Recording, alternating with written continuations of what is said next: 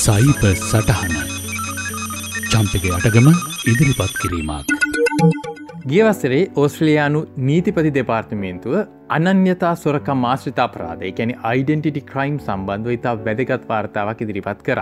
ඉන් හෙළි කරනා කාරණා කිසි ලෙසකින්වත් ඔස්ට්‍රේලියාවට විතරක් අදාළ කාරණා නෙවෙයි මොකද මේ අපරාධ බොහෝ විට අන්තර්ජාතික මට්ටමේ සංවිධානාත්මකව සිදුවෙන අපරාධ. ඒ නිසා අද අපි සයිබ සටහනින් කතා කරමු අයිඩෙන්ටිටි ක්‍රයිම්ස් ගැනත් ඉන් වැලකෙන් අපට ගත හැකි ආරක්ෂිත ක්‍රියාමාර්ග මොනොද කියන කාරණත් ගැන. මෙම වාර්තාවට අනුව දෙදස් දාසය වසරට විතරක් වූ සමස්ත පාඩුව ඩොලර් බිලියන දෙකඇදිශමත් දෙක. ඔස්ට්‍රේලියයානුවන් පස්සනෙක් ගත්තොත් එනෙක් කෙනෙක් මේට කවදා හෝ ගොතුර වෙලා තියෙනවා. එකැනි ඔස්ට්‍රේලියාවේ අපරාධ පැත්තිෙන් ගත්තොත් වාහන සොරකම නිවාස සොරකම හෝ පහරදීම අදීක්වා මේ අපරාධය ඉහලට මැවිල්ල තියෙනවා. සෑම තත්පර විස්සක් ඇතුළත ඔස්ට්‍රේලියාව තුළ කවුරු හරි කෙනෙක් මේ අපරාධයට ගොදුරු වෙනවා. ගොදුරු වෙන අයගෙන් හතරෙන් එකකට ඒකැනි ඔස්ට්‍රේලියයානුවන් සියට පහක් මේ නිසා ආර්ථිකමය පාඩු ලබනවා. ආර්ථික නෝන පාඩු සුළු පටු නැහැ. එයාගෙන් සියට දහයක් මානසිකව කඩා වැටීම්වලට ලක්වෙන අතරේ ඉතා භයනකම කාරණය සියට හතක් තමන් නොකළ අපරාධවලට සම්බන්ධය කියලා වැරදියට චෝදනා ලබනවා. ඇත්ත දත්ත මීටත් වඩා දරුණු වෙන්න ඕන මොකද සමික්ෂණ වාර්තාවලට අනුව මේට ගොදුරුවෙනගෙන් සියට තිස් අටක් විධ හේතු නිසා මේ ගැන පැමිණිලි කරේ නැහැ කියලා පිළිගෙන තියෙන නිසා. ඇයි අයිඩෙන්ටිටි ක්‍රයිම්ස් මේ තරම් ප්‍රධාන අපරාධයක් මට්ටමට වැටුනේ. ප්‍රධානම හේතුව තමා දැනුවත්කම අඩුකමින් මිට පහසුවෙන් මිනිසුන් ගොදුරවීම. එලෙසින් සොරාගන්නා තොරතුර යොදාගෙන ඉතා කෙටි කාලයක් තුළ ඉතා විශාල ආර්ථිකමය ලාබ උන්ට ලබන්න පුළුවන්.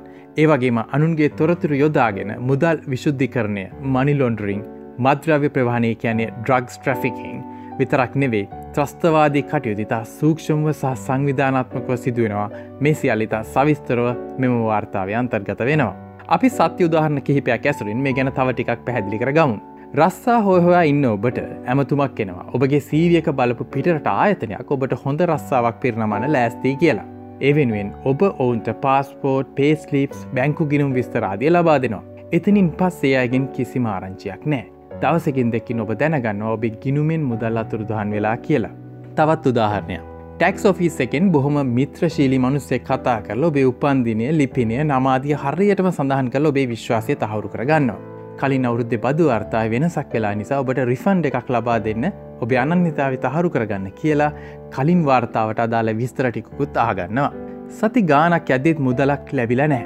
ඔබට තාම සැකයක් නැහැ මොකද එයාම සල්ලි ලැබෙන සතිගානක යයි කියලා කිව්ව නිසා. නමුත් මේ අවුරත ටැක්ට්‍රිටර්න් එක දාන්න අති පද්ධතිය කෙනවා ඔබ අදාල් ඇසෙස්මන්ට් එක ඒ වෙනකොටත් කරලා ඉවරයි කියලා. කලබල වෙලා ටෙක්ස් ඔෆිස එකට කතා කර දයාල කෙනවා අපි නම් ඔබට කතා කරේ නැහැ ඒ අනිවාර්යම ස්කෑම කෙනෙක් වෙන්න ඇති කියලා.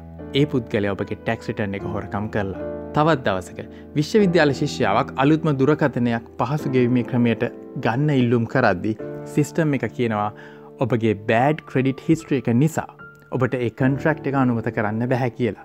ඇය කිසි දිනක නයක් ලබාගත් කෙනෙක් නෙවෙයි වෙන කෙනෙක් ඇයගේ නමින් අය අරගෙන. තවත් කෙනෙක් ෆේස්බුක් එක දානවා මුළු පවුලම ලංකාවට යනවා කියලා මාසකට ඒ විස්තර යාළුවන්ට විතරක් නෙවේ ඕනම කෙනෙකුට පේන විදියට පබ්ලික් දාලා තියෙන්. ඒ අතර මෙයාගේ ෆේස්බුක් ප්‍රොෆයිල් එක පිරල තියෙන යාගේ ගෙදරගත්තු ෆොටෝවලින් ගෙදර තියෙන බටු මොනවද තියෙන්නේ කොහේ දෝනම කෙනෙකුට බලාගන්න පුළුවන් වෙන විදියට. මේ පින්තු රොක්කොම ලොකේෂන් එකත් එක්ක ගත්ත නිසා ඒ ලිපිනයත් හිතටම අනුමාන කරන එක සුළු දෙයක් මේ ගෙදර හොරකම් කරන්න හිතාගෙන ඒ විස්තර බලන්න කෙනෙකුට. ඒකම මේ ප්‍රොෆයිල් එක උපන්දිනය දාන තැන ඉපදුණු අවුරුද්ධත් එක දාලතින්. දැන් ලිපිනය උපන්දිනය විතරක් නෙවේ පවුලේ සියලුමයගෙන් නම් වයස සියල්ලම ඒ අයම මුළු විශ්වයම එක්ක බෙදාගෙන තියෙන්නේ. ඒ අය නිවාඩුව ගත කරන අතරේ යන යන තැන ඒ සතුටින් ඉන්න පින්තුර ෆෙස්බුක් එක අප්ඩේට් කරන අතරේ ඔවුන්ගේ අයිඩෙන්ටිටිය එක මෙහේ වෙන කෙනෙක් පාවිච්චි කරනවා වෙන්න පුළුව. ඒ නිසා ඔබගේ පුද්ගලික තොරතුරවාදිය ලබා දෙදි හෝ සමාජ ජාලාවල සටහන් කරද්දි අතිශය පරිසම් වෙන්න. ඔබගේ වාහනය හොරකම් කරොත් වෙනත් වාහනයක් ගන්න පුළුවන්. ගේ සොරකමකට ලක්වුණොත් ඒ නැති වුණ බඩු අපසු මිලදී ගන්න පුළුවන්. නමුත් ඔබ ඥානන්‍යතාවේ හොරකමකට ලක්වුණොත් ඔබට අවුලුත් අයිඩෙන්ටිටිය එකක් ගන්න පැහැ. මොකද ඔබේ අනන්‍යතාවය ඔබම නිසා.